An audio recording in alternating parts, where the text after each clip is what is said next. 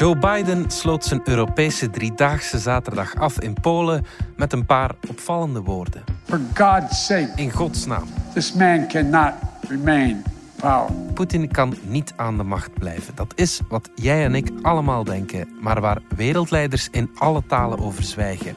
Was het een zoveelste lapsus van de Amerikaanse president of was het goed doordacht? En wat betekent deze nachtmerrie in Europa's achtertuin voor Biden? Het is dinsdag 29 maart. Ik ben Alexander Lippenveld en dit is vandaag de dagelijkse podcast van de Standaard.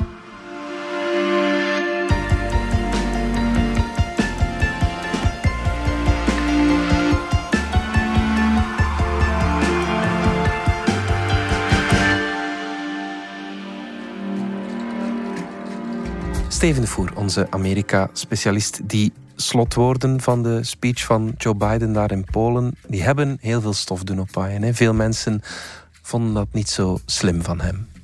Nee, dat klopt. Dat is wel eh, zo'n beetje de algemene teneur. Er wordt door eh, veel critici gesproken van de zoveelste lapsus van Biden.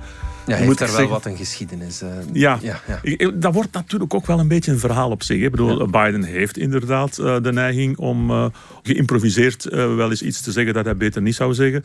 Heeft dat ook ooit toegegeven. En dan wordt dat ook wel een beetje het verhaal. En ik heb ook denk dat dat nu ook het geval is. Volgens mij is dit geen verspreking. Mhm. Ik vind als je, als, je, als je hem bezig hoort, hij was 27 minuten aan het, sp- aan het spreken. En op het einde zegt hij toch wel heel klaar en duidelijk. En zelfs een beetje trager dan de rest van zijn speech. Spreekt hij die woorden. Ik geloof niet dat dat een improvisatie met het laatste moment was. Dus het was bedoeld. Dan, dan, daarmee is het geen lapsus. Het is wel een lapsus in, in die zin dat. eh, maar ja, daar daar is lapsus niet het juiste woord voor. Het is een persoonlijke afwijking van de tekst die met zijn eh, entourage is besproken. Ja. Eh, zo, zoveel Is is, dat met duidelijk. zoveel woorden gezegd? Eh, Ja. Niet met zoveel woorden, er is geen officiële verklaring Oké, over ja, gegeven ja. natuurlijk. Ik denk niet dat ze dat zouden doen. dan ga je hem zelf wat vernederen natuurlijk in zijn Nee. rol. Maar de media die dat kunnen weten, die, die al eens een keer een informeel bericht krijgen, die, die melden dat wel. Dat dus de entourage ook verbaasd was. Laat ons even naar die woorden kijken. Hè. In God's name, This man cannot remain power. wat is daar nu zo fout aan? dat de intentie daarvan lijkt om een regimewissel in Moskou door te voeren. Ja. En eh, jij en ik kunnen met ons gezond verstand eh, zeggen van ja, dat lijkt wel een goed idee om iemand anders dan Poetin daar te benoemen. Ja. Maar in internationale geopolitiek tussen verschillende landen is het eh, natuurlijk ja, Dat is je rechtstreeks gaan moeien. dat bij- is in inmenging land. in, in elkaars politiek. Het is niet dat Poetin dat nooit heeft gedaan, bij de, bijvoorbeeld het beïnvloeden van Amerikaanse verkiezingen. Ja. Maar, maar dit is wel heel, heel rechtstreeks. Het is dan ook eh, vrij snel geweest dat eerst de diensten van het Witte Huis en dan daarna Anthony Blinken, de minister van Buitenlandse Zaken, As you know, and as you've heard us say repeatedly, we do not have a strategy of regime change in Russia or anywhere else for that matter. en gisteren ook Biden zelf. Mr. President, you want Putin removed? Mr. President, were you calling for regime change? No. hebben gezegd van ja, nee, nee, maar dat was nu eigenlijk niet, niet helemaal de bedoeling. Wat, wat hij ermee bedoelde, en ze zijn hier aan het construeren om het uit te leggen. Hè, want, Ja, eh, maar, maar wat hij er zo gezegd dus mee bedoelde, was dat Poetin niet zoveel macht mag blijven hebben dat hij zulke dingen als een invasie in een ander land zomaar kan organiseren. Oké, ja, ja, en, en, en zo gezegd is het nooit de bedoeling geweest om te zeggen dat hij eh, verdreven moet worden van de macht. Omdat, ja, dus eh, veel critici zeggen, wel, ja, dit kan tegen u gebruikt worden. dat kan Poetins excuus worden om te zeggen van ja, maar ik, heb, ik ben deze oorlog niet begonnen. Het zijn, het zijn de anderen, want ze wilden mij van de macht verdrijven. De teneur is nu dat zijn woorden ja, het slechtst denkbare waren wat hij kon zeggen op dat moment. Is dat ook zo? Daar heb ik een beetje moeite mee met eh, de, de teneur die erover bestaat. Het hangt natuurlijk ook allemaal heel hard ervan af wat jouw functie is in het hele verhaal. Als, eh, als Macron zegt, ik zou dat nooit gezegd hebben, D'abord être factuel et ensuite, en effet, tout faire pour ne pas euh, que la situation dérape. Je n'utiliserai pas ce genre de propos parce que je continue de discuter avec le président Poutine. Nous voulons arrêter la guerre que la Russie a lancée en Ukraine sans faire la guerre et sans escalade. De zaak dreigt te escaleren. En ik als president van Frankrijk zou dat nooit gezegd hebben. Ja, dan begrijp ik dat wel een beetje. Want Macron is president van Frankrijk. En de geringe, maar niet volledig onbestaande kans dat er nog eens een keer een nucleaire oorlog van komt of zo, Ja. treft ons in West-Europa natuurlijk eh, mogelijk harder dan, Ja. dan in de Verenigde Staten. En bovendien is Macron sowieso iemand die zich profileert als de laatste man die met Poetin praat. Dus uiteraard dat Macron dat zegt. eh, Ja. En in zijn positie is dat ook logisch. Alleen is Macron Biden niet. Mhm. Dat diplomaten dat zeggen. Ja, dat had hij niet moeten doen, dat laatste zinnetje. Dat vind ik ook perfect logisch, want diplomaten zijn nu eenmaal diplomatisch. Dat is hun beroep. Eh, En ik denk wel, als je bijvoorbeeld zou terug kunnen gaan met een tijdmachine naar 1938. Je had toen de, de fameuze tegenstelling eigenlijk tussen hoe Engeland op nazisme en op Hitler moest eh, reageren met, eh, met die premier Chamberlain, die, die heel lang is meegegaan eigenlijk met het idee van ja, als we maar blijven praten, zelfs na de inval van de nazi's in Sudetenland en zo. Ja. Ja. we moeten blijven praten. eh, peace in our time voor, de- voor, voor iedereen. Terwijl Churchill later veel... veel eh, Provocatiever was, Ja, zeg maar. absoluut. Ja, ja, Eh, ik bedoel, als je aan diplomaten overlaat, dan zeggen ze achteraf dat Chamberlain gelijk had en Churchill niet. Hè. En, en, en historici zeggen, zeggen iets anders. Ik ben ook geen oorlogstoker, maar één, wat Biden zei over Poetin is wel waar. De waarheid heeft zijn recht en we stellen dat allemaal vast. Laat ons eerlijk zijn, dat is toch ook wat elke wereldleider nu denkt. Poetin die zo. kan niet aan de macht blijven. Dat is ook zo, Ja. maar eh, ja, er is natuurlijk een verschil tussen wat je denkt en wat je diplomatiek bekeken best zegt op een groot forum. Maar kijk, er zijn nog dingen die spelen. Bedoel, net voor het moment dat eh, Biden die eh, zogezegd te provocatieve speech gaf, Mhm. ja, net daarvoor was Poetin wel Lviv aan het bombarderen, waar dan iedereen dacht van ja, dat zal toch zo weer niet gaan. Vlak bij de Poolse grens. Vlak bij de Ja, Poolse ja. grens. Ik bedoel, dat was heel duidelijk een signaal. En dan kun je je dus wel de vraag stellen of zo, zowel vanuit Poetins optiek als vanuit de Amerikaanse optiek. Mhm. Poetin is altijd iemand geweest. eh, trouwens, zijn levensverhaal vertelt dat. hè, over hoe dat eh, op de, de ruige buurten van Sint-Petersburg, Mhm. eh, waar hij in opgroeide, dat hij degene was die zei van ja, als, je, als, als, als je ruzie wilt, eh, wil, wilt vermijden, moet je gewoon zien dat je de eerste klap geeft, of dat je nu gelijk hebt of niet. Ja. Daar, daar gaat, hij prat, gaat hij zelf prat op, dat hij zo is opgegroeid. Ja. Poetin zit wel zo in elkaar. Een beetje de pestkop op school. En de redenering maken van je gaat zo iemand zijn respect niet afdwingen door altijd te incasseren zonder eens iets terug te doen. Daar is op zich in Poetins logica wel, wel iets voor te zeggen ook. Bovendien is het natuurlijk ook het verhaal van Amerika. En dan mag je toch ook niet eh, helemaal uitsluiten. En je kunt misschien zeggen, goed, uw, uw eigen politieke hachje mag niet meespelen op een wereldtoneel, maar...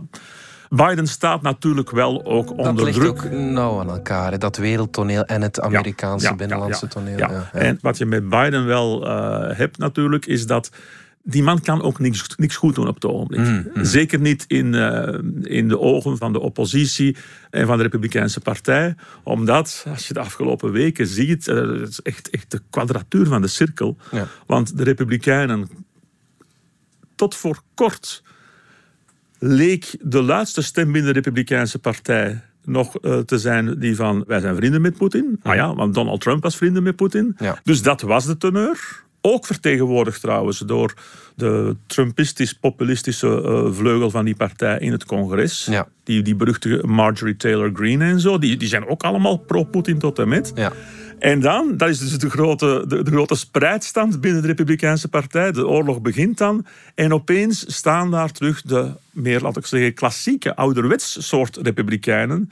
Die tegenover het Trumpisme zwegen. Denk aan vroeger, de tijd van de Koude Oorlog. Ja, de Rus, dat is de vijand. En Ja. wij zijn Amerika. En Ja, ja. die staan nu terug op. Ja. Met bijvoorbeeld eh, Lindsey Graham, eh, een van de allerinvloedrijkste senatoren, die zelfs letterlijk heeft getweet van, van ja, maar zeg, is dat nu zo moeilijk om een Brutus of een von Stauffenberg te vinden, om maar de plegers van aanslagen op eh, Julius Caesar en Adolf Hitler te noemen. Ja, Kortom, ja. die aanmoedigt, maak die Poetin kapot. Je bedoelt dan mensen van binnen zijn inner circle die ja, Poetin gaan... maar, maar dus een ja. belangrijke Amerikaanse senator die daartoe oproept. Dus kortom, Ja. Biden wordt, wordt, wordt bestookt door mensen die zeggen van je mag niet zo op Poetin zijn kap zitten. En door andere mensen die zeggen je bent een slappeling, want je zou, die, je zou toch op een of andere hier moeten kunnen regelen dat, Ja. dat, dat je Poetin fysiek uitschakelt.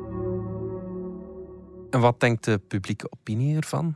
Amerikanen gaan er uh, ja, eigenlijk tot op zekere hoogte terecht uh, praat op dat ze uh, drie wereldoorlogen hebben gewonnen in de 20e eeuw. Namelijk de Eerste Wereldoorlog, de Tweede Wereldoorlog en de Koude Oorlog. Ja. Zij gaan ervan uit, dat is allemaal dankzij ons geweest. Dus een soort van militaire stoerheid zit daar wel in. Met als gevolg dat volgens de recentste peiling vorige week nog 56% van, van de mensen zei van ja, Biden die is eigenlijk te slap bezig. Oké. Uh, een beetje in tegenstelling tot wat er internationaal wordt over gedacht, waar men vindt dat Biden eigenlijk tot dusver een uh, uitstekend, bijna perfect parcours reed. Uh, het is tenslotte ook niet gemakkelijk. Hè? Je stevig opstellen en eendrachtig tegen Poetin en tegelijkertijd vooral geen derde wereldoorlog willen laten escaleren. Ja, dus dat is een akkoord om op te balanceren. Dat is een, dat is een evenwichtsoefening Ja. die tot nu toe zeer goed verliep. Mhm. Maar dus je, moet- je moet dat doen en, en tegelijkertijd voor de publieke opinie, met die belangrijke verkiezingen die op het eind van het jaar, Ja. toch ook weer iets terug doen om ervoor te zorgen dat ze jou geen Slapjanus kunnen noemen. Ja. En, en, en dan doet hij dat nu. En dan is het weer niet goed. En dan is het weer niet goed. En enerzijds denk ik dan in de internationale kritiek en de kritiek van diplomaten en zo, die zeggen van ja, ja, maar dat is toch jammer, dat is gevaarlijk. Straks maakt hij hem boos en, en eh, laat hij de boel helemaal escaleren en krijgen we toch nog oorlog. Daarvan denk ik dan een beetje, ja, alsof dat Poetin daarmee een excuus erbij krijgt. Het is nu niet meteen zo dat Poetin tot nu toe excuses nodig heeft gehad om, om te doen wat hij gedaan heeft. En als zij ze nodig had, dan verzonnen ze wel. Dan verzonnen ze wel. Dus, dus ik zie daar op, op het terrein nu niet meteen geweldige gevolgen van. Ik vind het niet onlogisch dat eh, Biden, ja, voor een stuk uit zelfprofilering, zijn speech dan afsloot met een zinnetje dat wellicht inderdaad eh, een beetje erover was, maar niet in die mate om al wat ervoor kwam zo in de schouder te stellen. Dat is misschien hetgeen het meest spijtige was. Want die 27 minuten daarvoor waren een goede bekroning van een, eh, een erg succesvolle driedaagse. Waarin dat eh, de neuzen goed in dezelfde richting zijn gezet. Waarin dat hij nog eens duidelijk heeft bevestigd van dat Amerika echt niet mee gaat vechten tegen Rusland. En tegelijkertijd met eh, wapenleveringen en, en beloftes en, en nieuwe economische sancties toch ook weer Oekraïne en de, de fellere Europese landen zoals Polen toch ook weer Ja. gunstig heeft, ge- gestemd. Ja, Dus tot, tot dan toe. En dan afgesloten met een, met een mooie speech. waarin hij zowel Poetin-Rusland duidelijk op zijn plaats zet. The American forces are here to defend NATO allies. Don't even think about moving on one single inch of NATO territory.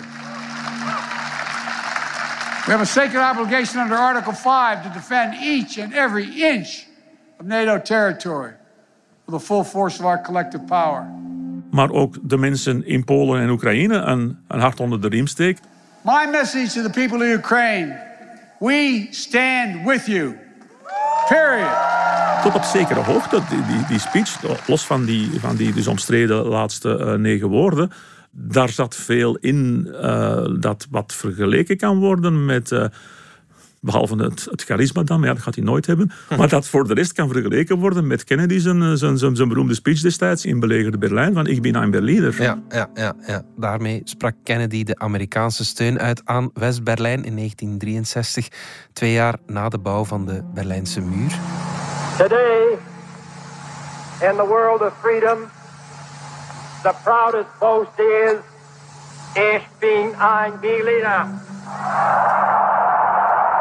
Maar gaat Biden ooit zeggen: Ik ben een Oekraïner? Want dat is wel nog iets anders Dat natuurlijk. is nog iets anders. Ja. Nee, dat- ik denk dat dat inderdaad niet kan. En, en, en eigenlijk is die duidelijke lijn de afgelopen dagen wel weer getrokken. Hè. De boodschap is, en die is heel dubbelzinnig, is ja, ja, wij staan achter u. Wij- jullie hebben onze sympathie. Wij staan hier geweldig met blauw-gele vlaggen te, eh, te zwaaien.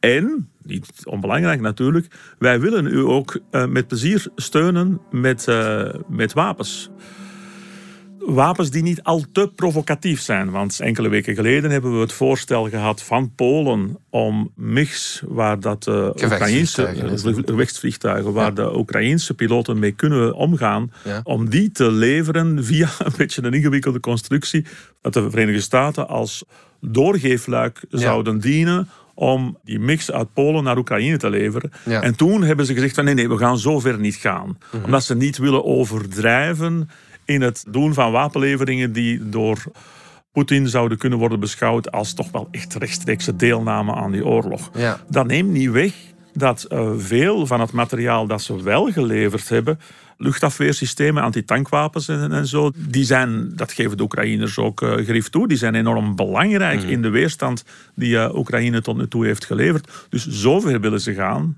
Maar, en dat heeft Biden naar het schijnt achter gesloten deuren op de NAVO-top nog eens heel duidelijk gezegd, ah, maar in een oorlog gaan stappen, zelf gaan vechten tegen de Russen, dat gaan we echt niet doen.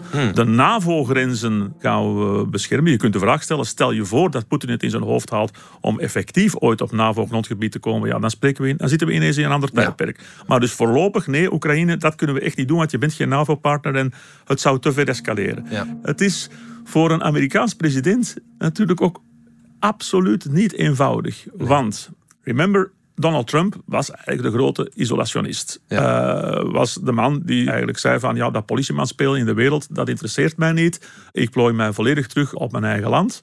Er zijn heel veel heel grote verschillen tussen Trump en Biden, maar tot op zekere hoogte uh, geldt dat voor Biden ook. Ja. Amerikaanse presidenten weten dat het tijdperk na al die ja, ongelukkig verlopen onnodige oorlogen eh, in Afghanistan en Irak, die allemaal niet op zijn best zijn verlopen, dat er absoluut geen steun is voor onze jongens, tussen aanhalingstekens, naar verre landen te sturen. Je zult zeggen, dat is dan toch wel in tegenspraak met die opiniepeilingen Ja. nu, die zeggen dat Biden te slap is. En, en zelfs uh, onlangs was er 42% geloof ik, dat in een andere peiling zei dat ze militair steviger moesten ingrijpen, wat dan toch uit- uiteindelijk op oorlog zou tegenkomen. Ja, Ja. goed, publieke opinies zijn zelden consequent.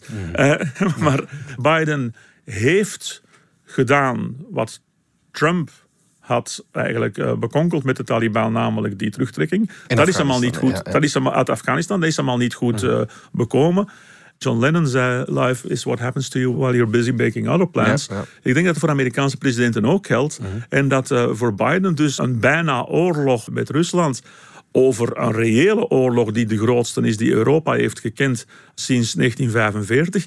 Ja, dat is hem overkomen en je moet er op een of andere manier mee omgaan. Ja. Eh, met dus die rare padstelling van dat men enerzijds vindt dat je sterker moet reageren en anderzijds dat je vooral geen woord te veel mag zeggen of je bent iemand die met lapsussen dreigt de derde wereldoorlog Ja. te ontketenen. Dat is En niet komen we niet onvermijdelijk in deze dagen, weken, maanden tot een punt waarin dat er toch meer inzet zal zijn? Want het lijkt geen einde te hebben. Er komen dan wel berichten van dat de Russen zich enkel op de Donbass zouden concentreren.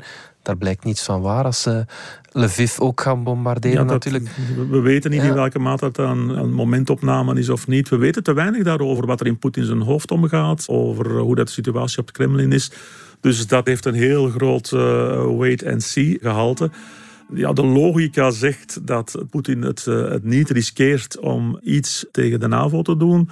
Maar in welke mate kun je in zijn geval nog op eh, logica rekenen?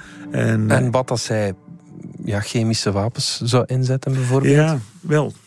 Als we nu spreken over een kwalijke lapsus, dan heeft Biden vorige week, net voordat hij vertrok naar Europa, heeft er daarin gedaan die opmerkelijk weinig aandacht heeft gekregen in de media en die ik eigenlijk verontrustender vind dan eh, de fameuze uitspraak over dat we Poetin geen, eh, niet aan de macht mogen laten.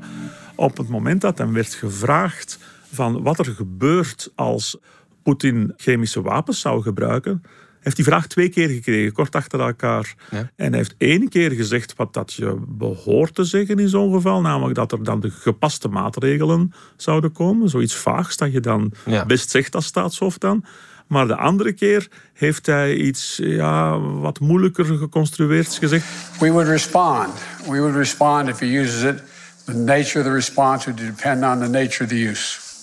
Wat zou betekenen dat de VS zich dan zou klaarhouden om chemische wapens, een oorlogsmisdaad, te beantwoorden met chemische wapens, een oorlogsmisdaad. Ik denk dat hij dat niet zo bedoeld heeft. Nee. Of Ik ben er eigenlijk zelfs vrij zeker van. Ja. Maar het is wel iets, eh, ja, voor hetzelfde geld daar dat men dat mee. uitvergroot. Ja. En, en, en, en dat, dat- eigenlijk is dat chockerender. Graag even uw aandacht voor het volgende. Nu oorlog terug is in Europa, is betrouwbare journalistiek van nog groter belang. De waarheid is het eerste slachtoffer. Volg in onze app, onze krant, onze video's en podcasts op de voet wat aan het front gebeurt via onze journalisten en fotografen in Oekraïne en aan de Poolse grens. Samen bieden zij u een helder perspectief in de mist van de oorlog. Start vandaag nog met lezen. Bekijk onze abonnementsformules op standaard.be/slash abonneer. Steven, is het cynisch om te zeggen dat deze oorlog Biden ergens wel goed uitkomt? Iedereen kijkt weer naar hem. Hij is weer ja, de leider van de wereld. Hè? Ja, Alexander, dat is een beetje cynisch. Ja, dat is, het is een beetje cynisch natuurlijk. Nee, maar, ehm, nee, maar een tikje misschien, maar helemaal zonder waarheid is het ook. Enfin, het is heel erg dubbel. Ja. Enerzijds, wat ik daarnet zei, je trekt niet op een nogal schaamtelijke manier terug uit Afghanistan. Met trouwens, laat ons dat niet vergeten, met eh, Biden die zijn presidentschap helemaal inzette op een, een heel ambitieuze binnenlandse agenda om mensen die het wat minder hebben een sociaal aanvaardbaarder leven te bezorgen Ja. en tegen de klimaatopwarming te strijden. Kortom, nee, hij heeft niet zitten wachten op een oorlog. Nee, nee, nee. Langs de andere kant, en in dat opzicht eh, volg ik je wel een beetje, stond hij sowieso heel erg slecht in de peilingen om, om, om allerlei redenen. En is in zo'n geval de politieke logica wel dat een heel klein beetje oorlog een president dan soms snel opvallend veel goeds Ja. kan, eh, kan doen, omdat je dan zo'n soort van iedereen samen rond de vlag effect creëert. Ja. Alleen geloof ik gewoon niet dat dat vandaag bestaat. Het land is te gepolariseerd. En zoals ik daarnet al zei Mhm. over dat schieten vanuit alle hoeken vanuit de Republikeinse Partij op Biden, dat verandert niet vanwege deze oorlog of bijna oorlog. Nee. Ehm, Maar de NAVO is wel sterker dan ooit. En dat, dat, Dat wil- is- dat willen de Amerikanen dat is absoluut lang, een, een, een heel belangrijk punt. Ik denk dat dat de grote winst is voor de NAVO en dus voor Biden, die eh, altijd een grote Atlantist is geweest. En eh, kijk, de onvrede van Amerikaanse presidenten, wie het ook zijn, Mhm. eigenlijk al sinds, sinds Clinton hebben alle Amerikaanse presidenten, niet ten onrechte trouwens, gezegd van ja maar jongens, NAVO-partners, zou misschien niet te veel gevraagd zijn als jullie een klein beetje meer zouden willen bijdragen en ons niet alleen als jullie veiligheidsparaplu gebruiken. Dus ja, ook voor Biden was dat een belangrijk punt. En het leek nooit zo dat er echt veel enthousiasme voor was in Europa om meer te gaan uitgeven aan defensie. En dus wat er nu de jongste weken is gebeurd. Vooral in Duitsland. Du- eh, Du- Duitsland is, is, is echt een, een, een aardverschuiving bijna. Diese neue Realität erfordert eine klare Antwort. Wir haben sie gegeben. Wie Sie wissen, haben wir gestern entschieden, dass Deutschland der Ukraine Waffen zur Verteidigung des Landes liefern wird. Auf Putins Aggression konnte es keine andere Antwort geben. Duitsland heeft nu eh, onder Scholz een gigantische investering opeens gedaan. Wat natuurlijk betekent dat een deel van de, van de kosten voor Amerika zelf vermindert. En ondertussen is dat de, de, de onderlinge solidariteit en het realisme dat defensie toch wel echt iets is waarin geïnvesteerd eh, hoort te worden, is dat geweldig gestegen. Dus dat is een goede zaak voor Biden. Dat en tot op zekere hoogte, maar nu zijn we echt wel wat cynisch aan het worden. Maar ja, je zou kunnen zeggen tot op zekere hoogte ook het feit dat eh, doordat Europa minder gas en olie wil importeren uit Rusland, dat de Verenigde Staten er zelf natuurlijk ja, voor een stuk ook eh, economisch van profiteren door te zeggen van ja, maar wij kunnen een gedeelte daarvan eh, wel in de plaats komen leveren. ja. En langs de andere kant denk ik dan ook weer niet dat Biden met zijn belangrijke ecologische agenda nu weer zo blij is ook met dat economische voordeel. Want Ja, dat wil zeggen dat in de Verenigde Staten ook ondertussen dus heel hard terug een groen licht moeten zetten op het winnen van fossiele brandstoffen. En dat was nu net niet de bedoeling. Met andere woorden, de winst toch een beetje mee voor Biden. Maar kan hij hiermee die belangrijke midtermverkiezingen in november winnen? Want de peilingen waren tot nu toe echt heel slecht voor eh, de Democraten. Hè? Of de wind nu echt meezit voor Biden eh, lijkt me overdreven gesteld. Maar laat ons zeggen, we zitten in een twijfelfase daarover.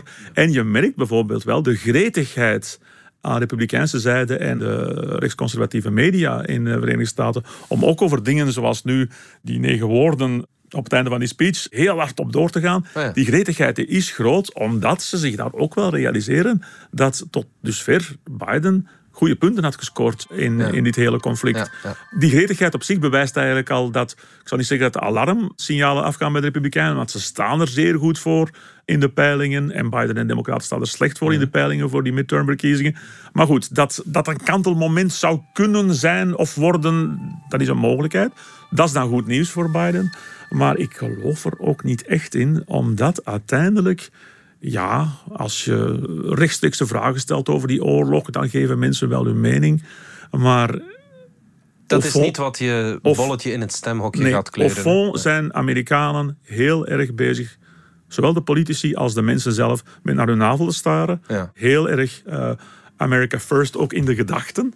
En de rest van de wereld is niet zo gigantisch belangrijk. En gewoon de economische gevolgen. En dan zien zij niet alleen, maar eh, voor een deel door, door, door, door corona en in de hele wereld natuurlijk een torenhoge inflatie. Maar daar komt dan nu nog bovenop de, de snelle stijging van de benzineprijzen. Uh, benzine voor Amerikanen nog veel belangrijker dan voor ons, want ze rijden toch zo graag rond met de auto. Ja. Uh, en, en, en, en, met dat een is iets... Fiatje, maar ja, nee, met die gigantische Nee, precies. En, en, dan is dat van, ja, maar... ja dat met die oorlog en zo, ik volg dat maar half. Maar ik merk wel verdraaid dat ik op het eind van de maand minder, eh, minder overhoud. En ja, dan is dat de schuld van de president. Ja, ja, ja.